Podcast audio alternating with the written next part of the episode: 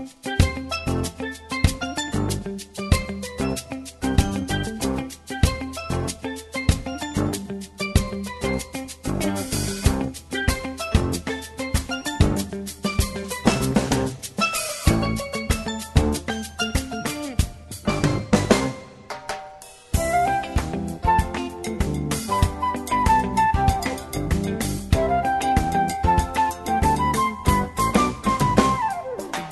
Velkommen og bildslångt i morgon.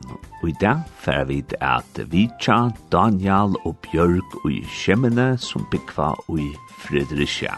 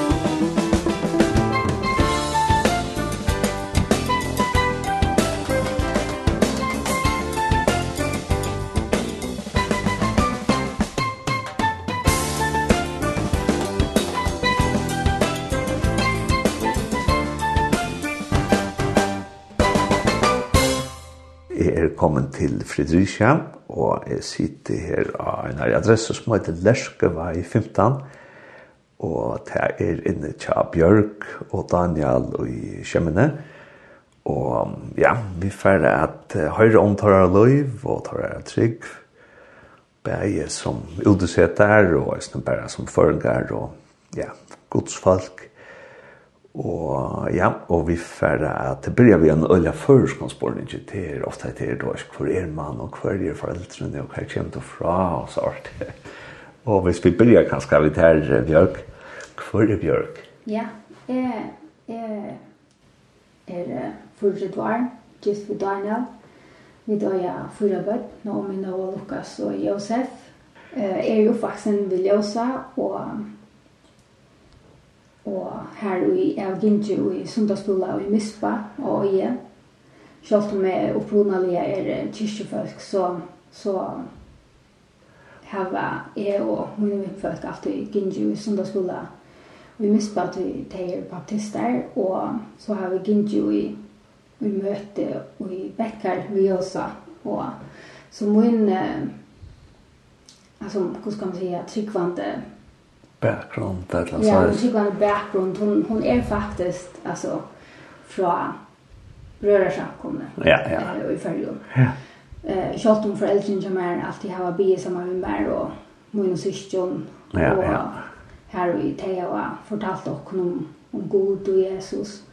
Så är det som vi bröder som kommer att vi syskon är och kommer. Ja. Tar vi det väl ut och så är sned tar vi över större. Ja. Og til å synes det praktisk, du var ikke at det ikke vært nekka misjonshus og kyrkja og jøsa her, og det var så her som vinner var og i og i mispa og sart, og så kom han her. Yes, og det var bare nekka som hendte ekkelig og naturligt. Ja. Um, ja, jeg minnes det at jeg ble frelst som lydel. Um, jeg hadde vidt i sundagsskolen hadde haft en syndrom frelse, uh, og jeg minnes det at jeg og i nekka dager alltså här heter upptog med redan ägt jag visste att det tror jag på god. Och och här vi är var jag vet inte like, man kan säga att det var alltså bänken men det upptog med redan ägt och jag har en sån ötta tror jag att Jeg visste at jeg åtte ikke god i hjertet noen, så jeg har ikke byen kom inn i hjertet. Og det hadde vi finnet jeg vite, og i sundagsskolen noen at Men man skulle liksom be han kom inn i hjärtabikva. Och Og jeg minnes hvordan jeg husker, ok, hvordan kan det bli frest? Og så huxade jeg, kanskje jeg kan skunta meg att hacka og i mamma og ta og i godkjem, eller Jesus kommer etter. Og jeg rønte jeg som ordentlig snedd og det var ordentlig lytel, men jeg rønte jeg finne på alle alla möjliga ära matar jag kom upp i himmelen på. Men at han akkurat det dagar så liksom fann jeg det av att det bär det bär inte till till det är bara om man har i god hjärtan att man släpper upp himmelen då men så är det väl. Alltså ta i det frälst och bär god kom i till att jag vet inte jag vet det. Och i söndagsskolan någon att vi skulle trycka över hjärtan och hjärta i munnen. Så så ta alltså god och ta andliga livet till något som är upptid med så igen sen är vi helt Ja. och det er utrolig glad for det. Ja. Og, og til jo eisne, Jesus sier jo eisne at, at Guds rydtje har du bøtt noen til, ja? Yeah. så til å lønne av alt som bøtten ofte få. Ja. Jeg har faktisk hørt om en, en kone i kyrkjen som er i København, hun, hun eh, sier at hun ble bevisst om at trykva av god har hun tror jeg gammel. Ja. Det er akkurat som stelt alt er klart for henne at hun får trykk på god. Ja, altså Naomi Døtjen Jokken, hun var eisne, ja Jag var om hon var blivit fyra. Alltså. Ja. Hon var ordentlig ung. Ja. Ehm. Uh, ja. Ja, jag minns nämligen att det är eh Ann-Marie Tera som bor eller bor vill jag säga. Hon hej nämligen i spelkammaren chatlaren hon hej hon och boilat av Jesu komo. Och här är det nämligen man ser Jesus uppe i skogen och hur man säger alla salarna för att upplymmas. Och det var tog jag som hejade till här i hötten och jag kunde bara hänga mig i Ja, mamma bøyne där. Ja, mamma. det var fint att lika väl, va? Ja, men här då ett her det var ett bojlat det som kusse kommer man upp ja. Men här man så bankra matta klarar att man finner det av ibland det är bara vi att att var opp til är liksom ikke noe annet som kan gjøre det for det. Altså, ja. uten Jesus, men... Ja. Ja. Daniel skulle vi få vite hver Daniel er, til så foreldre, og hver man er fra, og så har jeg hørt. Da må spille for igjen. Ja, eh, jeg er så oppvaksen i Ronavik, og her er vi så, kan jeg si, flott til, så vi til, tilfyller her. Eh, mamma min, Asa, hun hon kommer ur havn, og papen min Archie, han kommer ur Porsche. Så, så min familie, hon er bare, hva sier jeg, eh, mer, eh, mer sprøtt ut eh, i havn og i, og, og, i Sore. Om igjen Ronavik så hadde vi en mannbodja, og, og annars var det vidt. Og ja, og her kom vi så i, um, i Burua, og det ble så akkurat andal i heim. Og det var så jeg og, og Bøtj med Nøysene, som er tve, tve år yngre, uh, vi og sundagsskole her, og, og 17 da det vokst til, så var det ungdomsmøter som vi gikk til og hjelpte til, og så var det sånn øde møtene som, og tiltøkene som var. Og ja, jeg ble østene frelster som, som holdt lydet, eh, uh, og jeg minnes det ikke nær. Men jeg kan minnes da at uh, jeg var ute i, uh, ute i minste sundagsskoleklassen, og, og her har jeg og sundagsskolelærer som, som heter Johannes Hansen, og han virkelig kunne fortelle når nærmere bibelsøver, og kunne ta som trygg, og kunne ta seg om at det er trikva, at det var bare via trikva. Og, og hette tog meg til til, til tilsyn. Og det er som om at um, det som ble plantet ta, at det er det som man øsne lukket som det er det som man helt fast i. Og, og visste at, uh, at han tryggven, hon, han badna tryggven, at hon, hon er lukket så verlig som, uh, som er vaksemann tryggv. Så, så man har ivast, sjående som, særlig som tannarengur at, om man kunde lukka som hugsa om om det var något halt ui ui att den här men uh, men jo det var tann tann lukka som spyrin som som är som er helt mer uh, kan säga helt till geisten oppe ja. Uh. Nå, nu ska det at, att att titta oppvaksen vi föräldrar det då ikke vara tidigt kom till söndagsskola och bygge og så har vi det komma og, og man snackar lucenter för ju inte nu har det schon på ner neck kvar men man snakkar snackar lucenter för ju det man inte skal trusta på ganske som man gör det för og så där men men himmelen så er på mitt fagfelt er vi på noen någon komma att er på som vi tar seg om Bjørk at det har ner ut for tre alt sånn så kunne bare spørre action.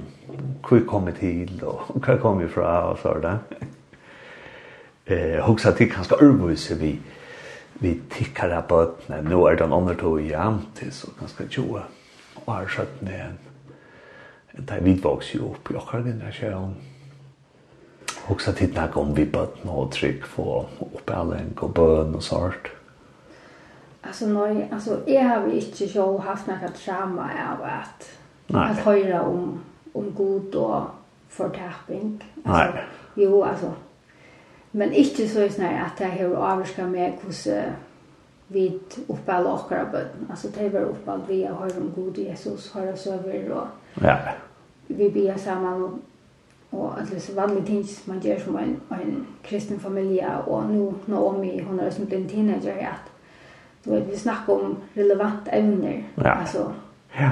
Uh, her i vi bor har stilt løter sammen og, og prater om ja, kvart jag en teenager alltså interesserer seg för i och til till till og trunna och Og bøttene, alltså vi kan gå i samkom här och i och frikyrkan när danska samkom och här är det höra om om Gud och Jesus och er det här spurningar så så sværer vi och alltså Så det är nok ganske dårlig att ta ett här spyrja och vilja ta seg, ja men så tar man, ja? Ja, Ja, helt sikkert. Øyne om trygg for om. Ja, og øyne, og øyne nemlig altså, hvordan man blir frelster, og hva man blir frelster fra. Og ja. altså, hva skal man som vite for å kunne bli frelster? Ja. Ja. Altså, hva er det sint? Ja. Altså, og altså, at Jesus støye, det kan være ganske grulig harsht for åkran å høre, men altså, Jesus støye for åkran synder. Ja. Og, og altså, ta og öll okkar bøten hans bor Stockholm ta i TV rattla liten om min hon var så den minsta. Um, men här öll bøtnen om loj fem år alder som har spurt alltså hvordan kan Jesus bygga eller hvordan kan Gud passa in mot hjärta at vi han er så stor att det er det som det får vita. Ja. Hvordan kan han passa in her, hvordan kan jeg vita att han är inne her? Eh uh, och Og da kommer man også inn av svære evner, men, men bøten er også nok så simpel. Ja. Altså, sånt som kanskje vaksen kunne halte være rettelig harsht. Um, det er ikke alltid så rädda. Det er sin du må røyfalt om til når. Ja, vi tar det her. Ja. Ja, ja. Um, Og, og, og, og hinner kan man också at att högt där botten där det så jag bara actually computerspel og filmer som det fucked up ja så hvor skal det vara snägg över så att höra om det så står ju. Ja. Ja, alltså Og, og det har var så spårningarna där. Han det det spelja ja. Hva ska jeg fra, og... Ja. Vi er det og... det är nästan som fyller chocolate button og det er fytlet sikkert og ikke som hun først med bøten, det er slett ikke det. Men tåra viner trykker ikke på god. Ja. Og det er fytler til tøymer. Ja. Og det er var det at som jeg okkar har bøtt noen og dine her hadde svært vi. Ja. At tåra viner trykker ikke på god, det trykker på ønske. Ja. Og omkring at døymene hever til du gjør vi rett av, at tåra viner ikke trykker på god, til det vita så kommer det ikke himmelen. Ja.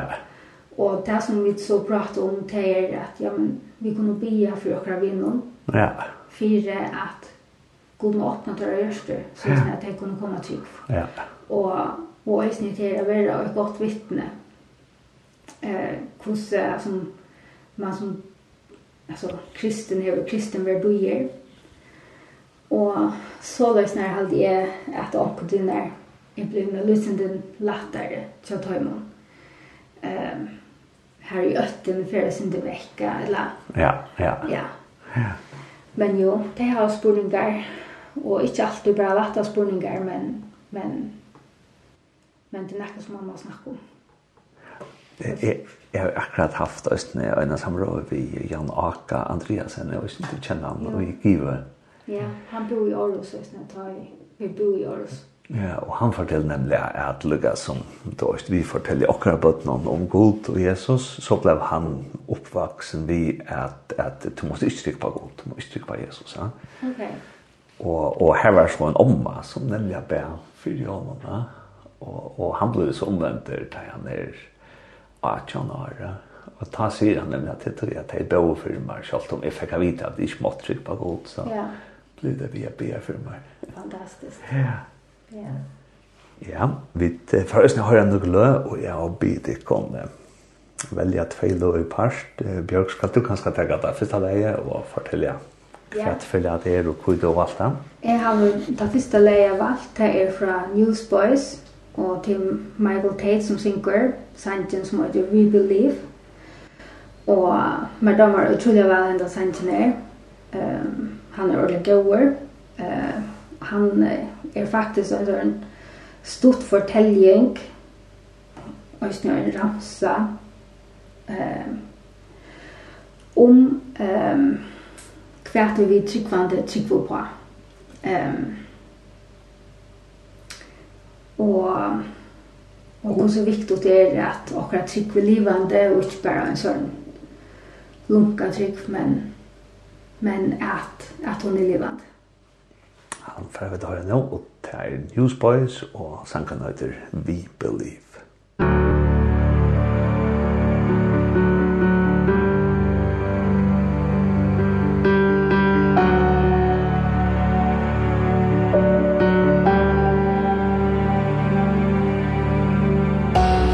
In this time of desperation When all we know is doubt and fear. There is only one foundation. We believe. We believe. In this broken generation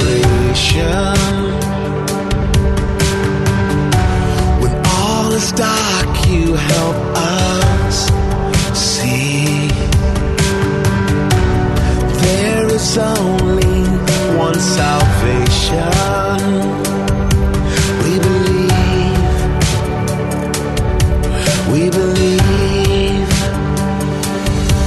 We believe in God the Father. We believe in Jesus Christ.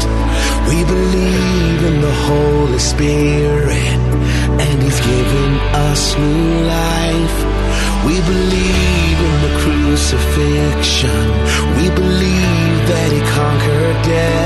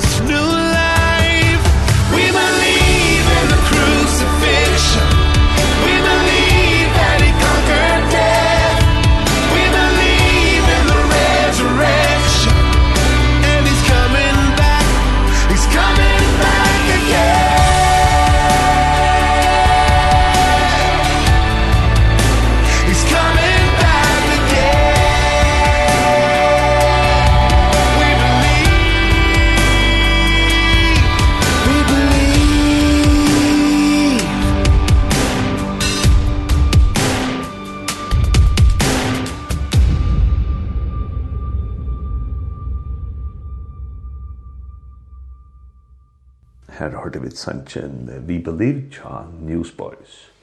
Og jeg sitter her og i Fredericia og i Køtsnån cha Daniel og Bjørk og Kjemne. Og ja, vi tar ta som om tar her tog i fargen og tar her trygg. Og så også jeg om at ta som er til vi, vi Danmark. Kanskje Daniel først, ja, Gudsland har det bo Danmark og ganska hver han det på Danmark. Ja, det vi kom ner i 2000 och i 2008. Og vi kom nyer og, og kom til Aarhus. Og det var så at, um, at jeg i førjen har arbeidt til Spekt som uh, Grand Square. Og, og hei så lys um, um, lys innanfor uh, revisjon. Men skulle ha så hendan ivbygnaren. Og ta valgte jeg eller valgte ta yngste jeg, og jeg øsne, vi til tåsa sammen med Bjørg, at, at yngste nye er lese og tega skolan på fotlatøy. Og, og så kom vi nye i Aarhus som, som lesande, og her er som Bjørg her sine atlaner er lese. Um, og i Aarhus var det øsne her som vi uh, for først for bli foreldre. Um, vi kom nye, Bjørg var høygravid, og og at han er manna við det vi finner jo okkar sysin kors så, så blir vi foreldre og mian mian er læs så, så var Bjørk heima vi Naomi og Og vi lukket som avslutta henne som vi, vi Aros vi at, uh, at vi fikk å noa Så vi fikk tvei tøyt bøten i og på tvei år. Og Og ta jeg så var livet å lese her, så var det at jeg um, skulle finne også arbeid, og jeg var midt i ta finanskrisene, så Aarhus her var, her var kjørt en ekka bjør på, så vi måtte søke noe som utenfor Mørsk, og, og søkte i København. Og her fikk jeg så arbeid som, som, som Square Og ta flott vi så til København at han tvei år i, i Aarhus. Og, og ta var lukka som at prøvde opp an utgjøn vi skulle alt i flytkassar og få flott alt, alt det som det høtt og til uh, en uibo som vi fikk kjøpt her i, i, i København. Og som ble karmen for okkar heim og, og for bøttene. Og her kom det også en gang i Kristianstova. Og det var det var fantastisk. Uh, vi hadde uh, gingit til forskjellige försk møter i uh, Aarhus men um, men det hadde ikke en samkomma som som vi vanlig kjenner en samkomme, men da vi kom her ut i uh, Kristianstov, da hadde det det som vi hade säkert saknat i två år så det var det var verkligen väldigt Og Og her starta vi så okkara lukka som okkara gerans det og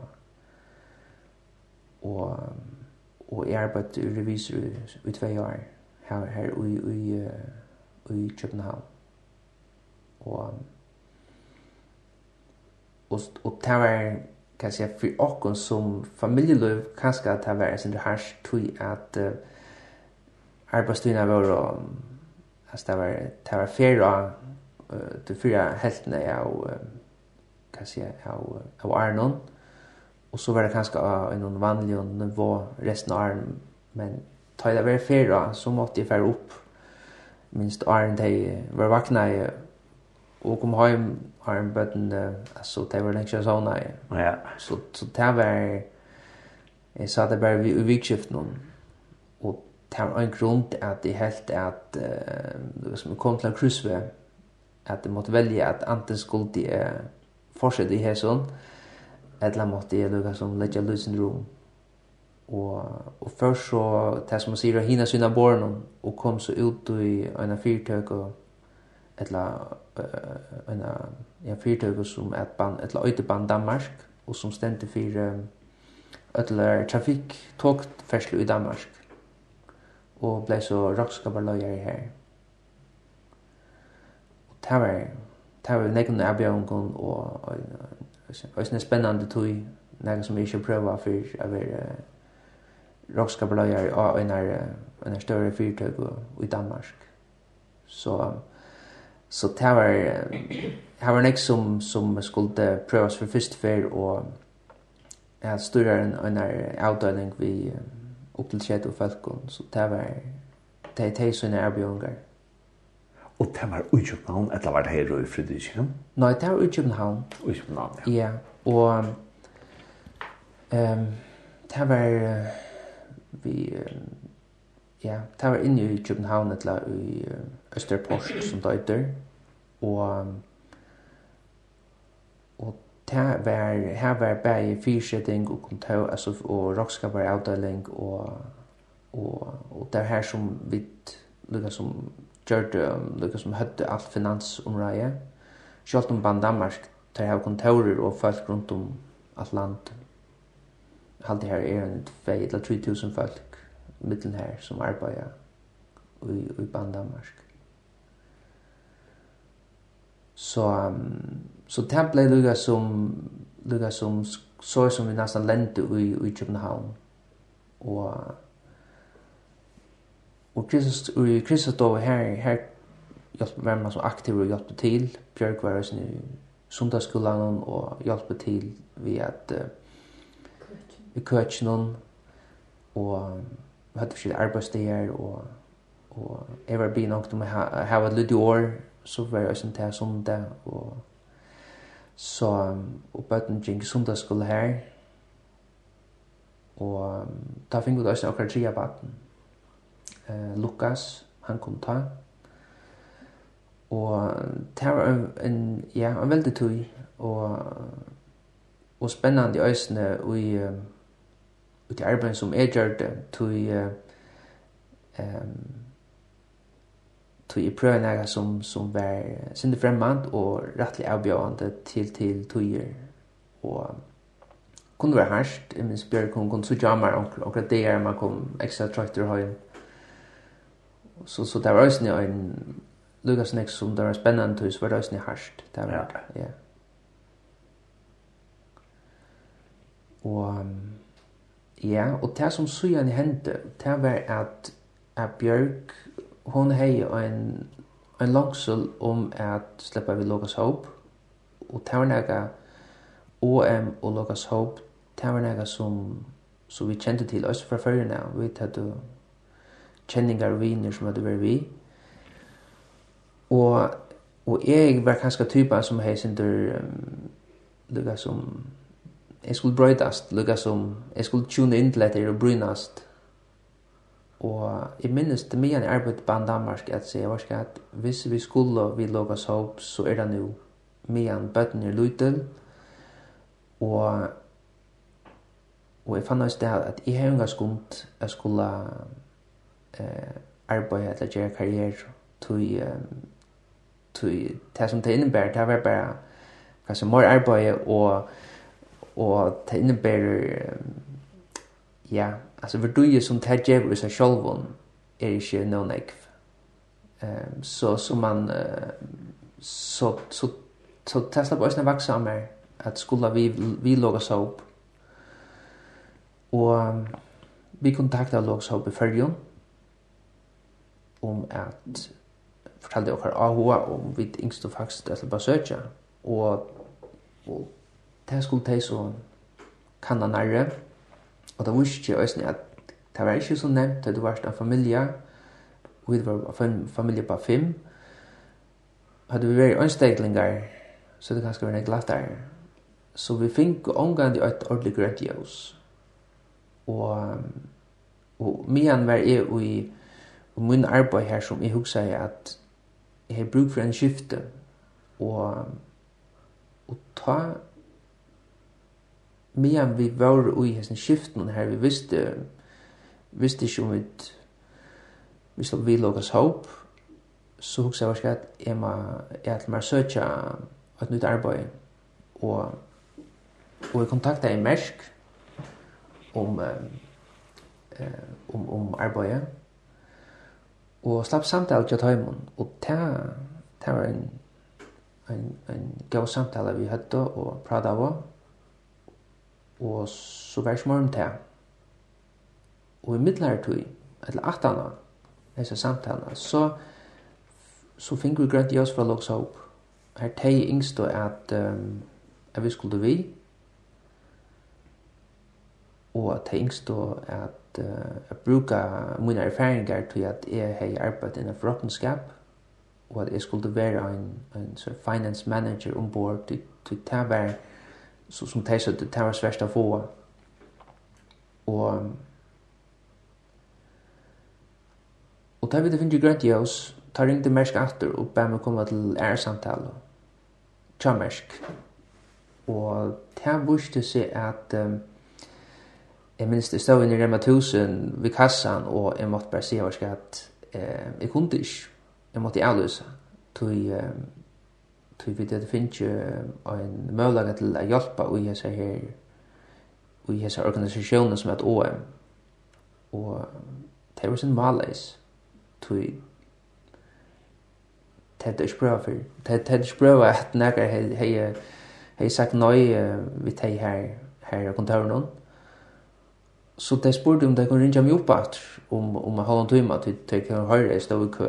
Og da jeg så kom hjem så ringte jeg meg opp at og de ville vite morgen lukka seg opp hva, hva dette var som, som jeg takka ja til og takka nøy til deg. Og da jeg så fortalte jeg at at det var et kjipe og og det var faktisk et dokk akkurat. Det skulle være dokk i, i, i et år. Og så spurte jeg, ja, men om vi skulle komme samtale lukka vel? Sjalt om kipela skulle det dock, og vi det finnes grønt i oss, så slipper vi lukka opp. Og ja, det kunne gått, men det skulle bare vite at, at vi hadde altså finnes grønt i oss, vi lukka opp. Jo, jo, så det var fint. Og så er for samtale, og, og vi tog sånn ikke om, om et skip, og det var faktisk fascinerende at, at det var folk som brukt sina tøy til å fære ombord skip, og de visste at um, at det finnes løn ombord, men det skulle heldig betale for å være vi. Og, og de søtte at ja, det var nega som gamle mersk sjálfur hei og en adress i, og tui var det også en kulturen tja taimun. Så tei tåg med vi lukka fjóte som vi alla ærar søkjarer, og Og her fikk jeg også en arbeid til dem ui ui et år. Eller faktisk så fikk jeg fast arbeid her til 70 at jeg var seg om logga soap hvis det ikke ble tilnægga av øyne til ære ørsøk så så fikk jeg fast arbeid til dem. Og ta mest vid hvordan herren faktisk ivestod i nøkron som vi hadde slett ikke kunnet planlagt. Og det var et utroligt uh, eh där ska man bönar svärd vid vid det ska bli omöjligt. Det var bara eh en jag vill säga en så god vilja en nöje som han visste och hon så han lade och hon här vi finner faktiskt några eh bekräftelser att att han var vi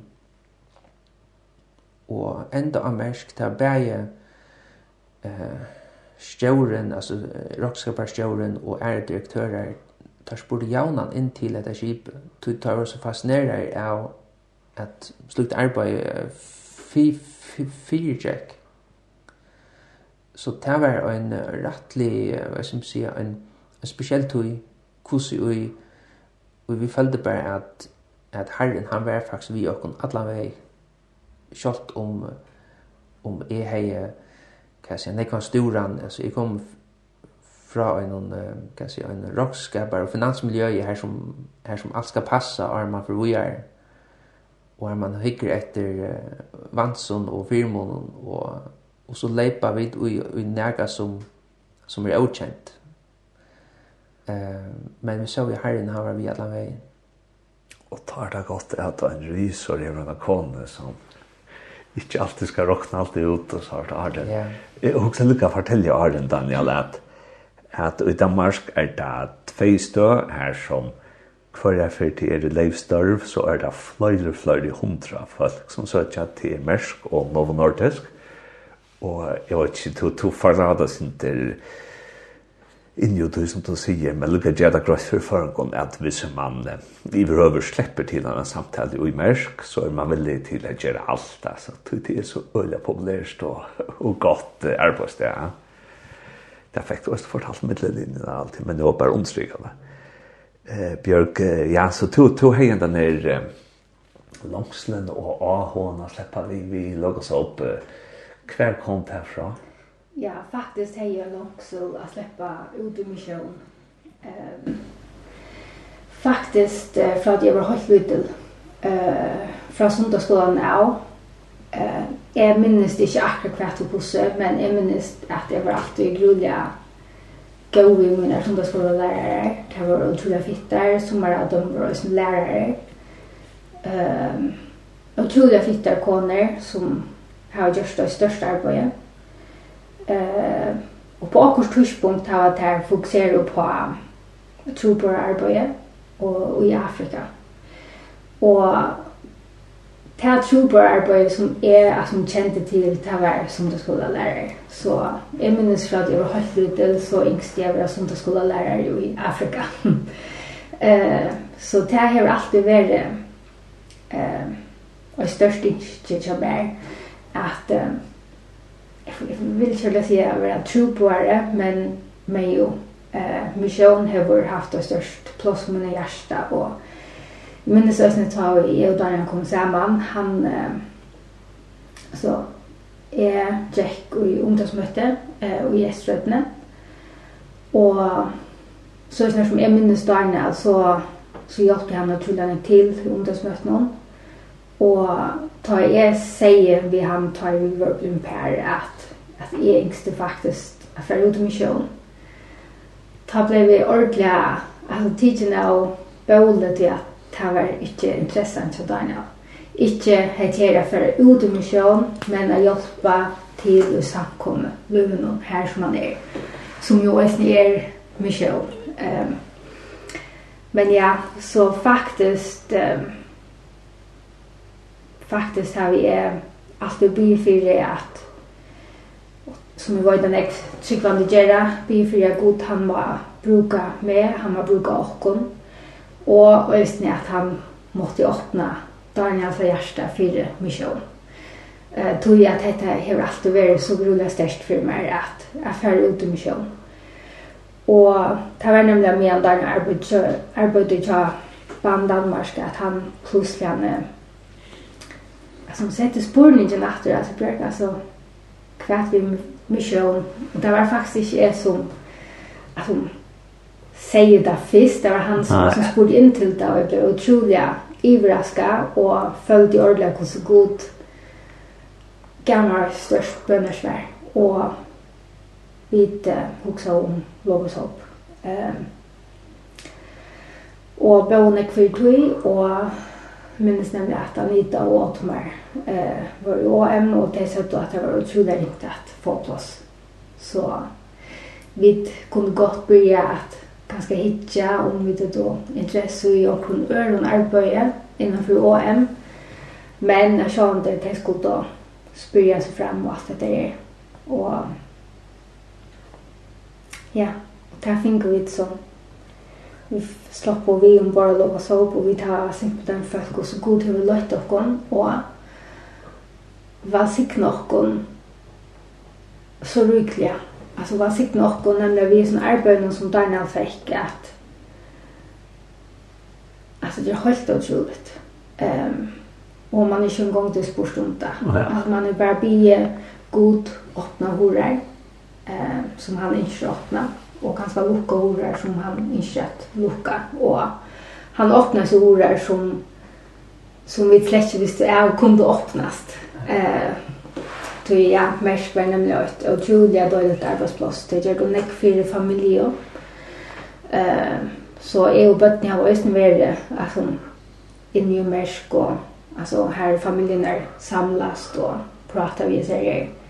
Fyran er som Daniel er arbeidsomme vi og her tar jeg har spurt inn altså, til færre vi slest der vi bøttene. Altså, og spurt nekk inn altså, til Løyvind våren kjip, ja.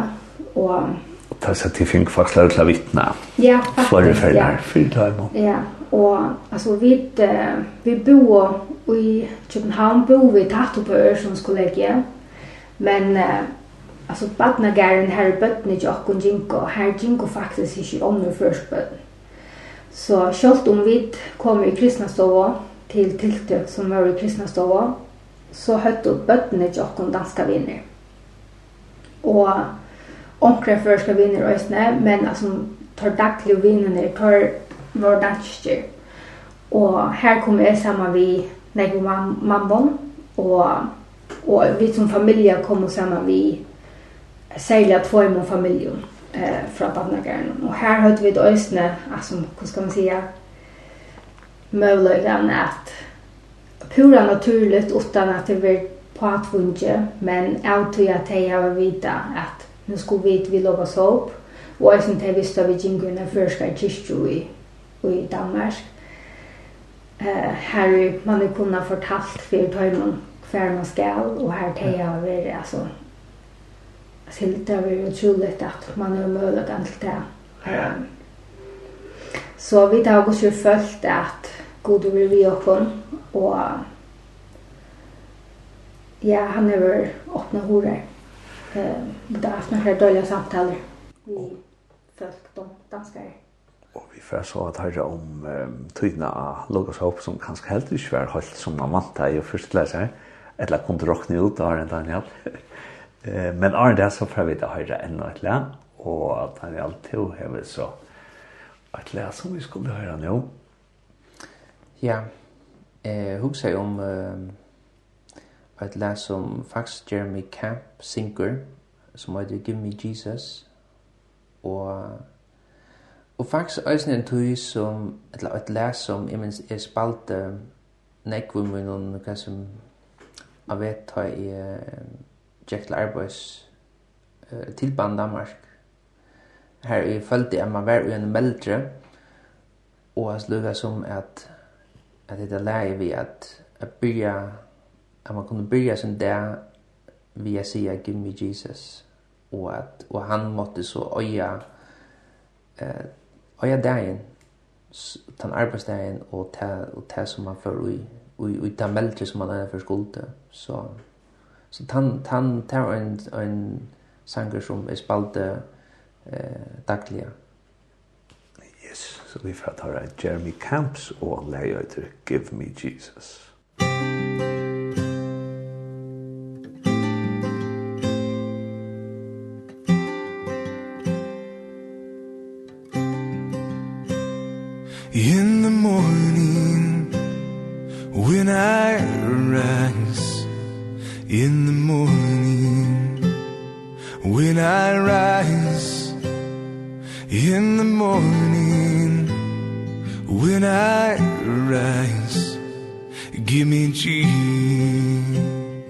easy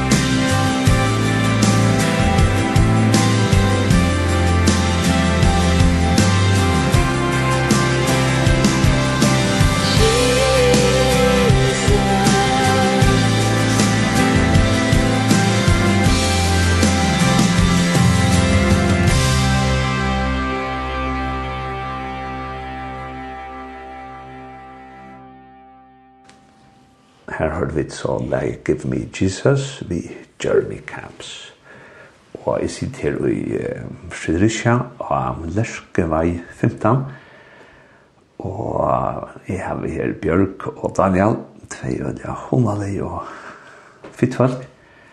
Og ja, og vi tar tatt som om tøyna at jeg har bo i Danmark, og vi var så kommet til at uh, tids og gjør noen nekvar omveier og forengar så ferdig som bor av Logos Hope Og, og hver liker, hver liker Logos Hope tant er det ferdig bor der, ja?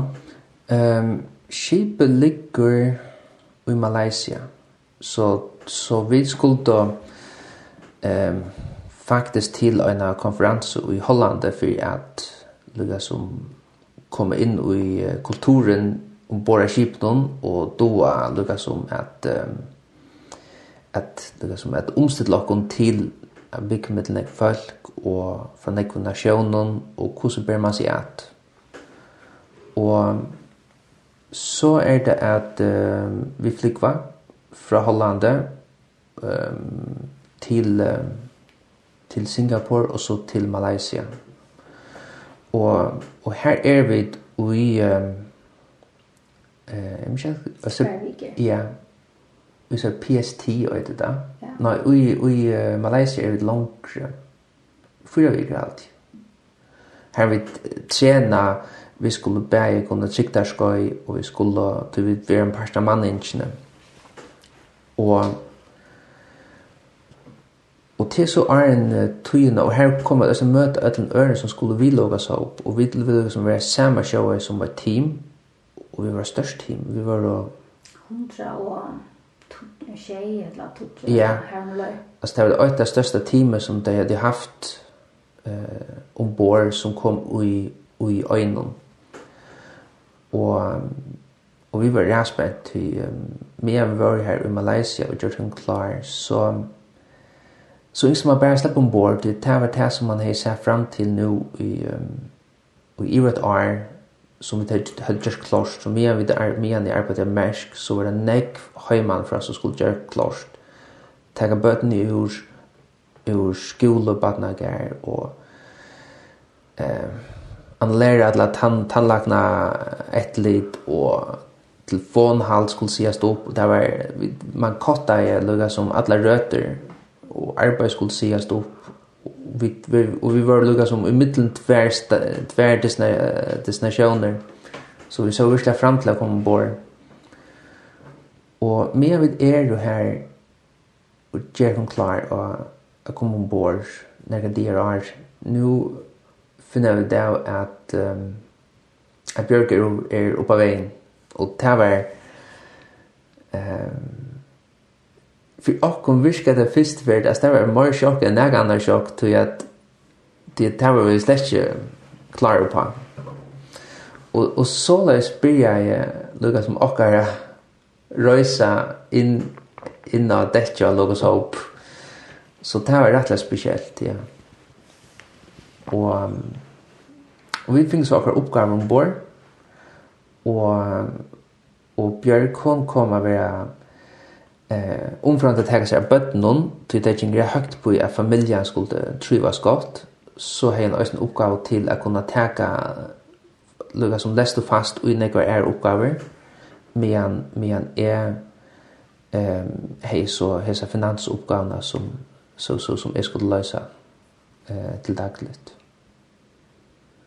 Og og vi var som bor eh, vi finner vita at det var ganske smart at um, at lukka som at få en bad med vi var ombord av skip noen og i øyne for landet tog at det er nekvar lukka som juridiska utfordringar til badene for en helt annan nationalitet enn foreldrene og og man visste heller ikke hva fasiliteter var um, her som man skulle øye etter badene.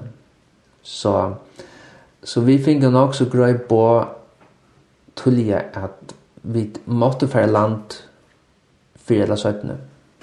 Um, og um, så tar vi lukka som måtte vi innstille oss på nega som vi hadde slett ikke hukse om. Vi hadde atla vera vi i tvei år. Vi hadde man skriver under en, en kontrakt. Her man lukka som binder seg til en periode. Og man kunne være 8 til 2 år, og vi hadde valgt så i 2 årene. Mm og det var ikke nå at det skulle være under åtte år, og så det var for okkur nok så harsht, øysene lukka som at vi sin tanks noen hva er det som, som god vilde vi er sånn her, og, og, og det kom øysene lukka som oppi høtte, at skulle vi virkelig så lengt eh, til Malaysia for å finne ut at vi skulle være foreldre at det, ja, det var noe som eh, som kunde tåka oss indre Og, og, og for til Bjørk, du du har jo ikke i nekne kvar, og hun som har ferdig til mye om oss hardt, hvordan var det til at jeg knattelig har fått her vidt at nå skal ta jeg fjøra battene, og, og så var det denne perioden stikt nyer. Ja, det var, altså, det var ordentlig snedått, selv om, selv om vi vet at, at det er baden, det er simpelthen godskava, Og så var det som jeg syntes nettopp til at uh, alt som allt som god vurst jag kom det var att vi skulle då ombord. Och jag blev väldigt kött alltså på en vägen och det spänt och på att jag vi skulle ha vårt på annat sätt. Och här är rösten flöjde som færre av skipen og få i baden og komme vi etter cirka for måneder etter natt att det var. Så alltså heter var inte en skandala. Det var inte ohört till det där vanligt att att uh, få bort med man om borrösten. Eh det var bara så snett ut att vi var ju kom ombord. eh tar vi det funnit det att att det var på vägen och jag var långt och kom något så läkt.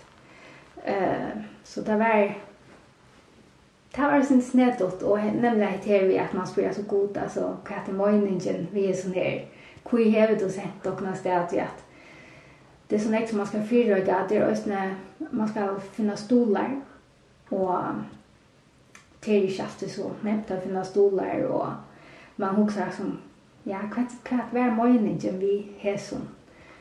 Eh vi tar då en utrolig goa tog ombord Kjølt om jeg var grulig til fire.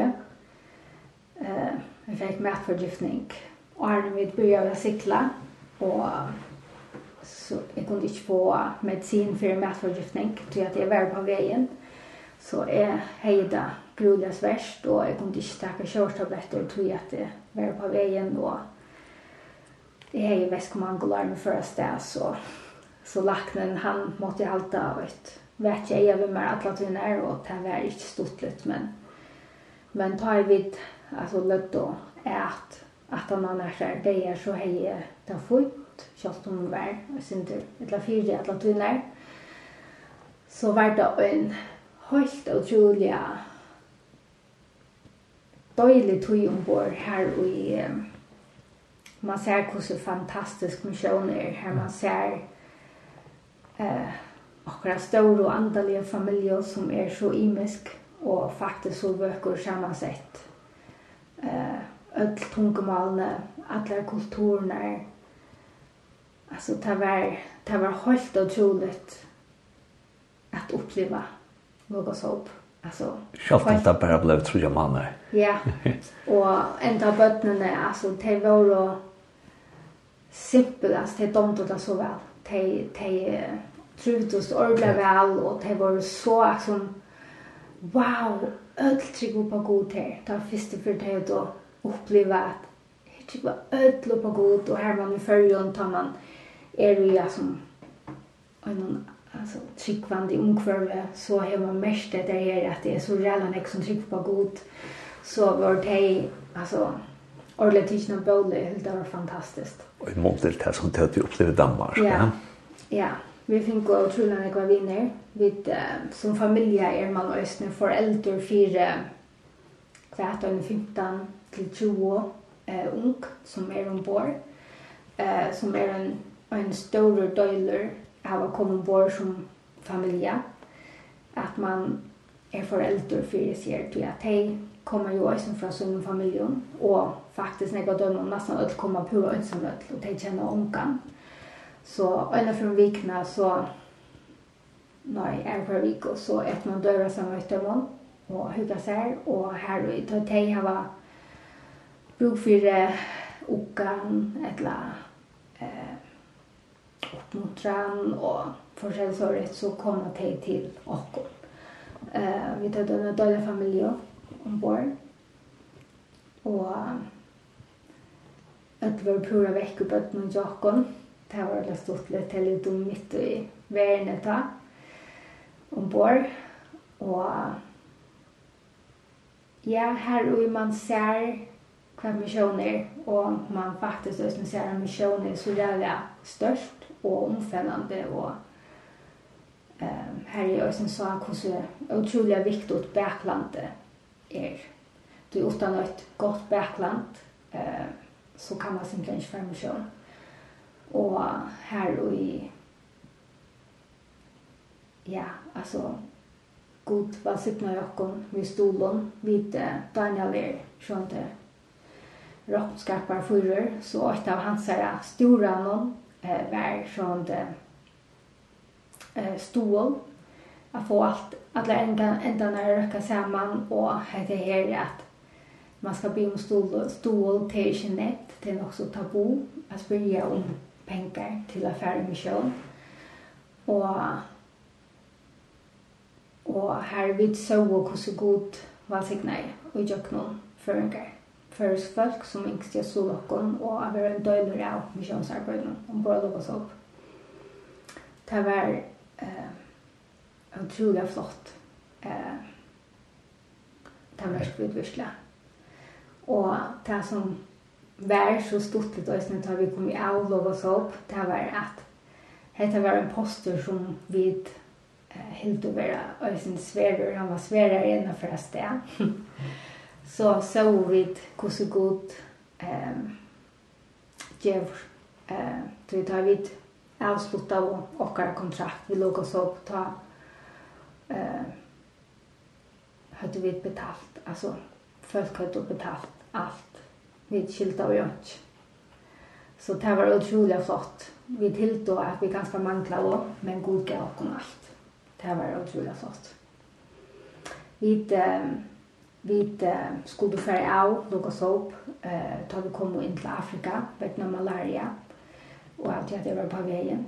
Eh, og da visste seg så at det var best å fære av av vatten og åren. Vi får av i Sri Lanka, til det var så tatt opp på flåvødlen. Og av til det var så etla fire, så mett og det er at det var eh, best for min helse og tryggast for oss med låg opp at, at vi får av åren til at vi skulle sykla lenga turer og det var lengt til sjukhusverste, og sjukhusverste var ikke gøy, så Så för jag passa bäst på mig och vattnet så, så blev vi sendt hem i Sri Lanka. Och ja, där får vi så. Vi får hem i november og enda og her i Fredricia, av til at foreldrene ikke tar ned bygg i Fredricia, og vi hadde løy akkurat løylighet ut i København i tvei år. Vi hadde skrevet en kontrakt, så vi kunne ikke flytte hjem etter. Så vi flyttet in till Svea som var otroligt døylig til att vi var så lett vekk. Eh, så vi kom hem till Fredrikia Bygva och det visste seg å være eh, atter och en vasikning og fra gode och här han visste också att han att han passade på honom och att det var han som lötte och att eh, Sjått om han storer, så vurste jeg noen at det ok, jeg skal nok takke meg av tikkene.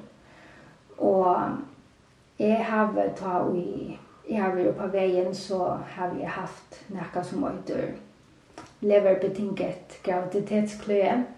Eh, det mestjer at liveren utsender gistoffer som for mammorna er nok så behagligt tog att man får blóðan ikke man skriar i kroppen, man får ytla sove, du vet, skriar så ytla i kroppen. Men tas och det men det är ju farligt för mammorna, men för barnen är det faktiskt farligt. Det stressar barnen och och sist ända om du inte gör gott sjukvårdsverk så så kan barnen dodja. Och mamma är väl att sätta igång och i eh sista läge vi gott och det var för att at barnet skal ikke stressas for nekv. Og vi bor så her i Tjasvira foreldrene og hadde ekong til bil, og jeg til at vi bor i Tjataimen så hadde bøttene i Øysene, altså jeg og Daniel kom til færre sjukhuset, og foreldrene John henne tog seg av bøttene. Um, Daniel fikk faktisk bjøa arbeid til Mersk atter, uh, men vi følte ordentlig at, uh, at vi skulle være her eh sjálvt om vi kunde flytta till Köpenhamn och där jag fick ett arbete. Alltså eh vi ja tar vi så för alla var så ta eh att låta det för vi åter. Men vi visste då att vi för så vi men med skipet och i Afrika. Eh och en familj som var ombord, där vi var ombord som är väldigt väl vi. Det är ju då bär vi, kan var det, Mercy eller Anastasia. Mercy Ship. Ja, hon er sjukrasister og øyne mamma. Eh, og hon har arbeidt og arm, hon selv fikk bøtt som sjukrasister i Afrika. Her er hon en tidser av spedbøtten vi malaria. Og arm vi for oss der, så kom hon inn til min bæfyr meg.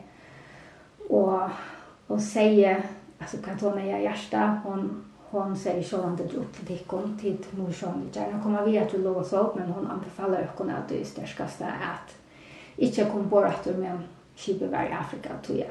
Det vill hon inte görs för sutt barn. Tog tog at ett spädbarn kan inte få medisin for malaria. Og hon är teacher av på någon som var äcklig sjuk.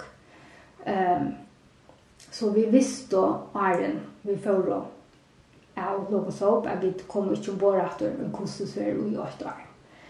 Um, og vi bød grunnen er fyrir at døren kunne få et avløsere starv i åtte år.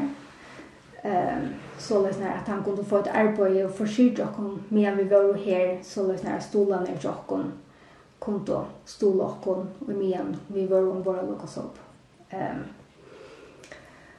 Eh så där blev det fyra men god han han gav och kunde inte och det starv. Det var grulla hårt för mig. Eh men eh, men ja, vi uh, vi gick till viklet kontroll av 20 snön kolding, kolting. Eh och långt vi går tror jag att det var förutsätt och ta visste det at uh, Josef var rettelig stresset og Og først så at vi finner noe tui jeg setter oss i gang til vi går 38. Men ta i Eva kommer går 36. Ta världen så mycket stressad var att det ikke at jeg skulle gänga, for för lunch vid honom. Så eh, vi i vecka 36 ta ble vi sett i gang, og vi ble innskrivet i sjukhusen. Ehm og jeg fikk eh, eh, medisin for at uh, sätta oss igång. Mm Og etter medisiner terka jeg ikke ordentlig som det skulle for meg. Eh, så morgenen etter tar jeg stadigvæk ikke. Hei, finner verster, så så skulle jag sättas aktivt igång vid att uh, järnmuren eh uh, sätter ju hålla vattnet och jag fick uh, höjde värjokna kranar för jag kom igång. Och långt och ta i vattnet för ta sig hon att vattnet var. Jag blir stressad og hon sette jo en elektrod og høytte av bakken noen for at bedre kunne fylle hjertet av noen. Så det er at hon fikk det direkte og ikke opp av blodet som er og så og at hun hjertet Og så får hon lykke ut og hon kom inn etter og så søtte vi ved henne at uh, hjertet jo vi stekker. Men det blir altså, ta, ta, altså, hon tendrer i etter. Mm så gikk hun så sier hun varst du hva at onke du henter at det er jo sin les forbindelse, men det må ikke hente om at. Og ut tog hun sier til, så stekker jeg hjertet løy etter, og jeg skjermer noen, og henne løte, og æren der var kommet gang datter, da jeg ringt til i laknavn, og så kom hjertet løy gang datter, og æren hun har lagt telefonhåttene og eh, kom i laknavn rennende inn, og her hendte alt grulig kött och det var kaotiskt för åkon men det var väl utrolig vel fire kibar til Tøymon. Lakten eh, skulle checka om Josef var stressad och och han han uh, kunde inte testa det så det var uh, en otrolig akutor kejsarskolor till att vattnet var i for at att eh, dodja og ta vær om rette. Eh, han fikk hjertestopp, funnet av vidt at vær for nær. Eh, så vi fikk god kajsra skor vi høy en hast. Daniel, han måtte svimma. og være sin designer oppe oppa stålna eller rommet her som Josef ble føtter og fikk av vite at då vet, alltså tänk om det inte hjälper honom eller ger en racka till att nu handlar det bara om vattnet och tar mest vid och det är mest gör att jag var ju en patient och var nu är det vattnet som är en patient. Och det var alltså ordla Alltså, jag kom, alltså man kom här ut här man följde att nu har vi inte kontroll.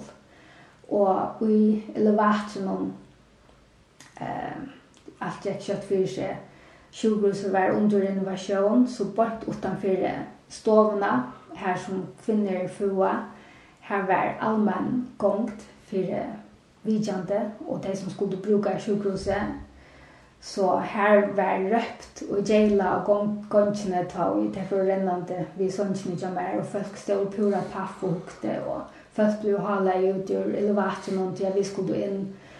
Og medan vi til elevatoren ta sier vi god, vær så god.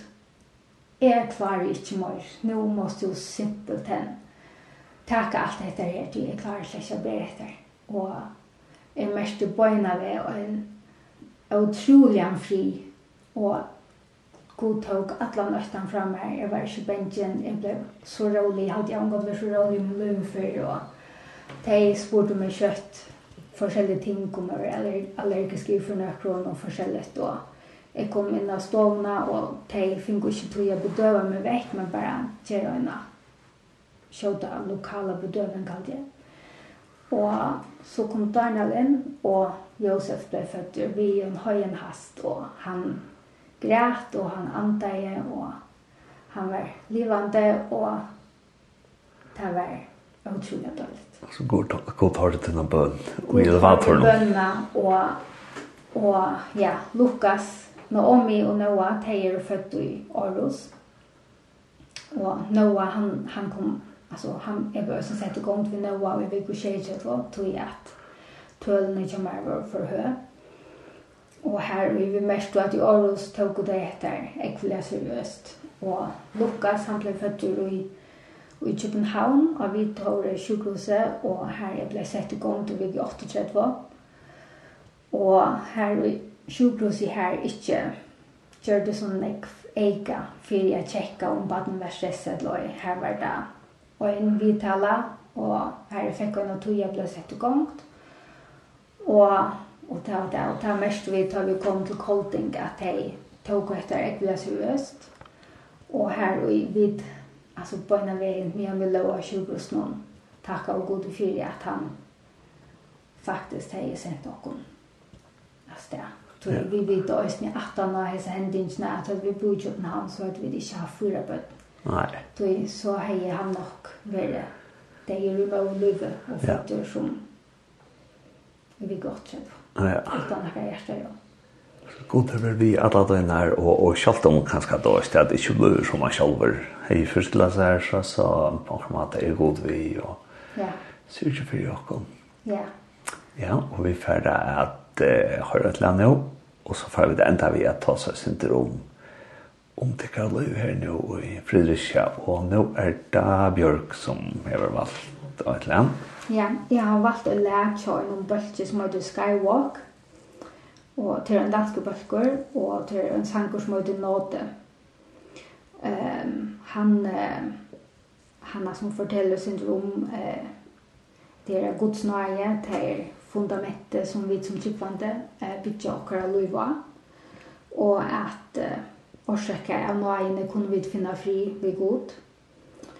Eh, og her er også regnet om at det at han, han kjente åkken Arne vi var til. Han kjente åkken Arne han gjør gjorde en frelseatlan for mennesker, så han, han kjente åkker av vågløyder. Men allikevel så elsker han åkken. Så utrolig høyt og være så nøyre i går at, at han ikke sier at frelse oss. Ja, ja, så vi får ta litt annet sjanken, og til Skywalk og leie etter nåde.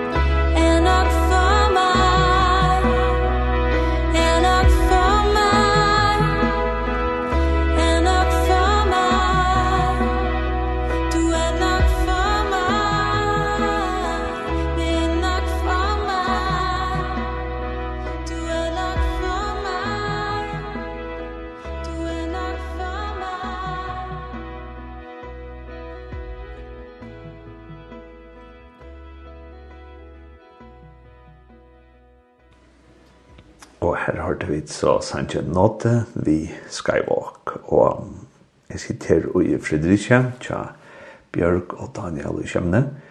Og vi tar ta oss om, ja, bare oppvokster i fargen, og hvordan det tok vi trykk i fargen, og så om jeg bygger vi Aarhus i København, og ta og i teg for til eh, Logos Hope.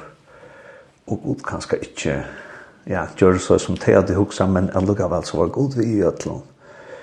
Og ja, og vi sitter nå i 2022 og i Fredricia, Daniel, og hvordan sier løytikker han nå? Ja.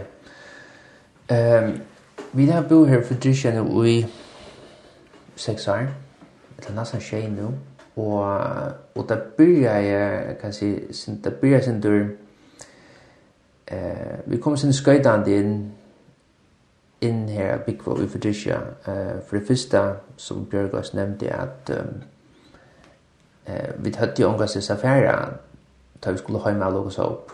Uh, vi hadde en utbo i København som var utløya, og, og, og de som bor her, de hadde rett til å bygge her i tve år. Eh, så mine foreldre sett, sett at uh, vi kunne bygge her til Tøymon. Og så, så Så her kommer vi til lukka som lente vidt, og, og det første tøyene for Trisha var rettelig, jeg vil si, tågått. Og her som, det var svært å sutja fram til vi så ikke nega løy eller nega gøt og genga. Eh, vi kunne bare sutja hver vi stod point her nu, og vi visste at, um, at vi hadde jeg badna ved, Og sjálvt da Josef ble fødder, det var stadigvæk enn den her tåkan som vi visste ikke om vi skulle eh, om vi lukka som hvordan var å komme vi etter hvordan var at skulle færa til København etter eller skulle vi være her eller skulle til Førjar det var en en, en tur som var eh, om ikke svær tog som, som, som ble nevnt at vi visste at Gud hadde løtt okken alle veien, så, så selv om det var en, en tog og tøy, så følte, følte jeg skulle en, en utrolig kvile, og det var en frier som, som bare var her. Og, og det var helt fantastisk at um, jeg vet at at det her var, som, eller var ikke så tilfeldig som vi tatt, og som vi kanskje som man kunde tro. Men vi så henne den här rea trajen. Och och och här är minnes det var en tala som som var en av de första mötena som var här i Fredricia. Här och i, i pastoren nämnde om om ta och i ta i han ta i Abraham för Isak og skulle og Gud har sagt at han skulle eh offra. Og han får som alla vegen og det där kom stitches så sier Gud ta han vekk. Og og her som det handler sig om at her som Gud sier altså lutna for Gud var større enn gärden det som Abraham skulle göra. Og heita tala er rettelig nek til mun inn i okkar støve her som vi var færen ut, og vi tatt yngsta over tvei år, men vi finner trutja manar. Og, og følte hvordan vi heter her tala er så direkta til okkar støve som vi stod i her i Fredricia, at, at det var ikke, det skulle ikke oppfattes som var skuffelse av at det ikke var vi tvei år. Her, man husker ganske at det var nila. Så for Abraham var det ikke nila, at at god brøtte mening. Sjalt om, men det handlar jo om, om lyttene. Og, og vi følte også at, at sjalt om Amersk så, så fikk muligheten om at Amersk til København, men, men vi følte ikke at han var heldig rett. Og, og jeg fikk så arbeid her i, det var så i Kolding, innenfor et som heter LM Windpower, som gjør vindmøllevanger, lukka som Vestas, og og og det var egentlig størst det ble en parsa tøy og og jeg kom ui lukka som jeg kunne trekja dem erfaringene som jeg hei fra Mersk og gjennom internasjonalen omkvarve eh, innenfor finans. Og det kunne jeg også bruka her. Og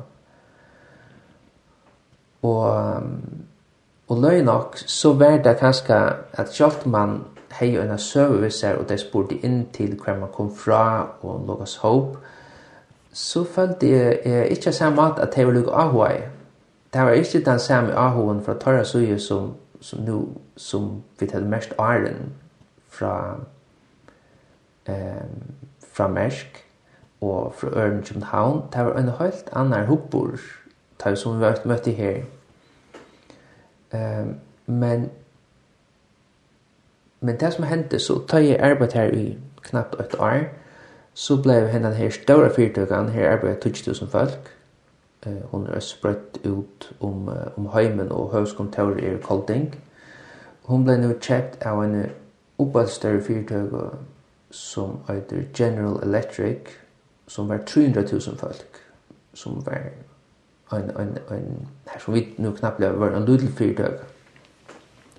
Og det var en en rettelig hør prosess for for teg av Ellen Windpower til til folk til det skulle skjes nye på folk og det skulle um, utskiftast vi finner nek um, nek var um, flott til Viks så hvis andre utlendingar kunne komme i arbeid og, og det var en en, en, en, en, um, en hør periode og her som jeg har så valgt at at her var jeg hatt nå. Og, og det så ånder som var her østene at at at tager dem om at søgja at hava at at at man kunne hava nega positivt og nøkur nøkur som var negativt og man kunne hava ein ein at doa at hava um, tan gaua jahatten og at kunna prøva fauna nega som var svært og, og lytta en stevne opp. Uh, det var, selv om det var lukka som arbeidsmessig, det var pressa og alt, men at man kunne, at man kunne hjelpa på tammadan litt opp.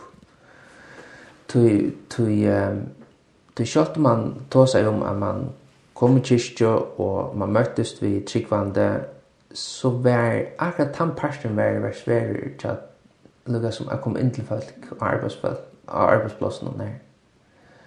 Eh, men ta det så att man var ojäl och att man leje eh och att man inte visste missnökt men att man man kunde helt visa att att det som man ungefär heja man var visste ta glädjena att det var något som blev lagt det där och och så lös lukar som kunde eh lukar som bär min vittnesbörd fram vi at til at her som tala kanskje ikke slei til, her, her måtte gjerne slå til. Så, så, så det var spennende tøy, men hun var øsne eh, hørt tøy og gjør det øsne at er at han har knappt tre år, så, så skiftet jeg øsne arbeid. Um, så i det arbeid så øsne en international fyrtøy som har høyskontor i i Veile. Og her vid Øysen er det eh, 4.000 folk, og om trutja måneder er vi kanskje 8.000, du vet jeg kjøpte en fyrtøk som lukkar større som, som, som vi sjálf. Så, så jo, jeg trives i her som miljøen, og og røyne virkelig er kunne djeva av um, ikke bare det positiva, men er kunne her som man kan dreja en dialog in som som handlar om ehm eh om god att dem så så tar han på. Och det är ju alltid där står samtal när som affär men men te vidare kan man ständer och det spyr vad vi gör det vikskift någon ja men så kan du säga eh te möten vi där till eller te tilltöchna som vi det har varit och och och det så är man kan eh, skulle vi för danskar ehm här här som är er att att man kan driva det vi men det som där sitter visst prus på det är nämligen att att man inte har så knarrarna och eh och visar onöksam så så ja så så vitt komma här och en danska samkomma tar just så jag kom komma till här för det og hon er ganske ærvis strukturera en, en førisk samkomma, så hon hever Loslo, hon hever en pastor, så, så det her som så er kanskje ikke på samme aktive i samkomne, men kanskje mer utanfor samkomne. Uh, med en bjørk, hon, hon er så mer, mer, mer, mer aktiv. Ja, og det er tomt at jeg får bjørka fra de det samkom her som det gikk inn nå. Og jeg kan lukka stått si at jeg bjørk at bøtten her om å være gommel og sart og tog for en astra lesa. Vi får ikke snakke om det, vi tar ikke til alt. Men til leser vi innretning, og jeg kan bare si for Lorshernon at det ser ut som om dora den ratta sitter inne i høymen og tjatt. Og så skifter vi, kjøtter vi til till samkomna så skal du kanskje fortelle sin drøm Om samkomna til en gå i Fredrikia og hvordan du typ at jeg det kom til där jag ju fyra båten så så på sälta. Och til samkomna til kan. Ja. Eh det er en utrolig dårlig samkomma. Eh det er en apostolsk samkomma som är i Kirkebyen. Ehm Bøtnene, de elsker å gjenge sundagsskole her. Eh, det gjør utrolig nok for bøttene for at at det skal være spennende og hodtakende for bøttene. Eh, og det er vi utrolig glad for det, tror jeg at kjem det for at vi da kan sånne det er nødt til å gjøre noe annet eller skulle noe annet, så er bøttene ordentlig misnøkt og ordentlig sur at vi ikke skulle i kyrkja. Så det gjør det til uke her i kyrkjene, det er så helt sikkert. Ehm Ja, bøtnene til okken er stor. Eh, Naomi, hon er teenagere, hon hever sina beste vinkon og her i kyrkjen i Vesne. Der er det utrolig vel. Eh, og så er det onker av drønnsen eh, tar har vi ikke nærkere vindmann, men tvår har vi vinnmenn.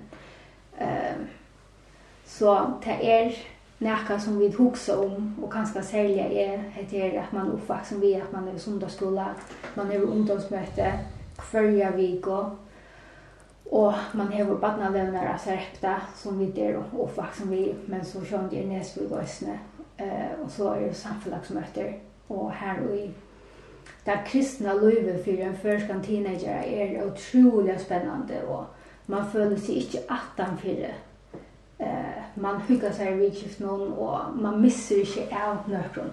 Och här vi eh og en stor range som er nemlig er at skulle bøttene ikke kom uppväxa och i Danmark og hur er det? Ehm men eh det lägger vi alt i i Herrens center eh samkomman som vi kan gå i eh här var den samkomman just nu i Kolding som är större än Ockara og her er nekbød. Så det er ikke tog at her er ikke for teenagerer. Um, men ja, uh, så det er nekka som, som vi husker nek om. Uh, men bøttene til okken, som sagt, det er vanlige å være til øynene som er utryggvande. Og, og bortsfra, eller i motsetning til, til okken her, vi er vanlige å være og størst nettverk. Men vi tar et dårlig nettverk i kyrkene som vi er om. Og bøttene er også en grulig glad og gå vi tar nettverket som vi var. Um, vi uh, uh, ganger så i kyrkjå her, og vi byrja å fyre, ja, i 2019 byrja vi et nekka som heter familie, familienettverk, og i kyrkjene her i Everg eh, vi till att uh, starta det. Eh, pastoren Jockon hej eh, hevor, eller hur ska man säga, det är ett tilltag som är annan på en månad där. Eh, för utsett folk, heter ju Jockon Blåa Cross. Eh, här är vi tacka och öppna horan här för familjen och ett stark eh, som kanske har varit svärst och på imska matar. Eh, eh det kunne vara önslig eh det är störst önsamme i samhället i dag. Men önslig för familjer som har det svårt som kanske har alkoholproblem och så vidare eh och här är har varit en dålig av att finna partner på jobbet att stanna eh och här efter eh har vi mest och ösnä det är att tala till mun att gode meg i hjärta og det är ösnä noe som jeg har brett fyrir at jeg var i badnearbeidet, og nemlig fire utsett folk. Eh, så her har vi eh, kjøtt noen vidt, ikke på samme måte, og i okra førskosamkommun, eller i kristna stå, eh, hava kunne haft året, eh, så har vi haft mulighet fyrir at vi er jo i som store arbeid nå. Eh, og, og hvis jeg skilder rett, så er det så å si at at tid familjer fra tikkar samkommet, tid koma til dette tiltaket, og så koma omrøysene så som man blandar akkurat som. Ja, altså, og et det synder. Ja. Um, Sommar har hava bøttene ikke så vi, men det er øyne og ønstegnbilgar. Altså, Daniel, han stolar og på ta matan, og det så øyne så øyne at han faktisk släpper hem månader og har en tog, så når han kan komme hjem og ha drømtene til åkken. Og her er noe om her, Øystein Pjur familienettverk og, og hjelpe til vi bøtten og Øystein. Uh, ja, uh, det er utrolig spennende og utrolig gjevende. Og her, her er bøttene blir bare grunnig gøy i øyn. Man mestrer det hos deg. Som jeg de hungrer uh, etter tryggløyga kjølt om de har det godt og allt det där. Men här jag finner vidare för att han har för att hetta är det som det sitter fram till. Eh så det är det största vara och beauty. Akkurat.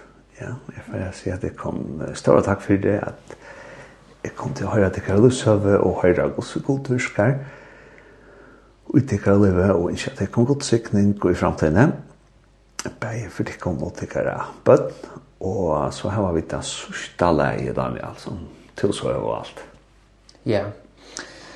Ehm ja, jeg har valgt et ledla, et som, uh, som øyde This is Home, tja Switchfoot. Og det er kanskje er at akkurat løyve det har haft nekvar adresser og Og nekst dø, akkar bøten der er født i Trimen Imskun, Bujon, eh här i Danmark och och jag hade att nå om mig att hon på ett tidspunkt hade lugat när kvar sysiken kost som hon var är så hade jag vet ha för först stäv där var så har vi just att locka hem och och och det där som vi har just bärt hur tar vi där var ehm um bara Lucas Hope och Eisen tar vi det kommer här åter at, at her som vi er her, det er det som dere har med, og det samme vi samkomne som vi der kom nå vi videre gjørst her til dere andre har med øsene. Ja, så vi får at høre Switchfoot og leiet høyder This is my home.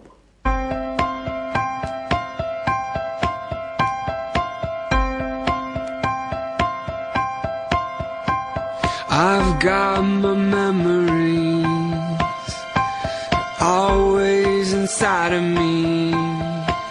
But I can't go back Back to how it was. I believe now. I've come too far. No, I can't go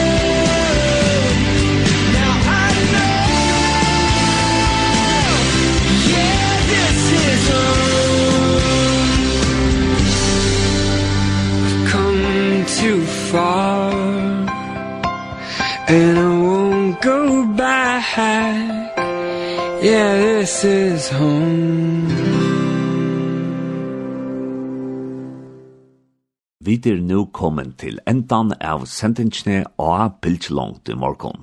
Versene der var Johannes Miskær. Henta sendingen var endesendt i kvöld klokka 19.30 og i natt klokka 4 og eisne kommande leierdag. Ta brøsne til at høyra samrøver ur hesar sendingsne som pottvarsp, til dømes inni av Spotify – Du lade bare etter og bilde langt, og så sørst du en rikve av samråven som vi har lagt ut her. Etter kjammer er best at innskja der og en gods valg signa igjen det.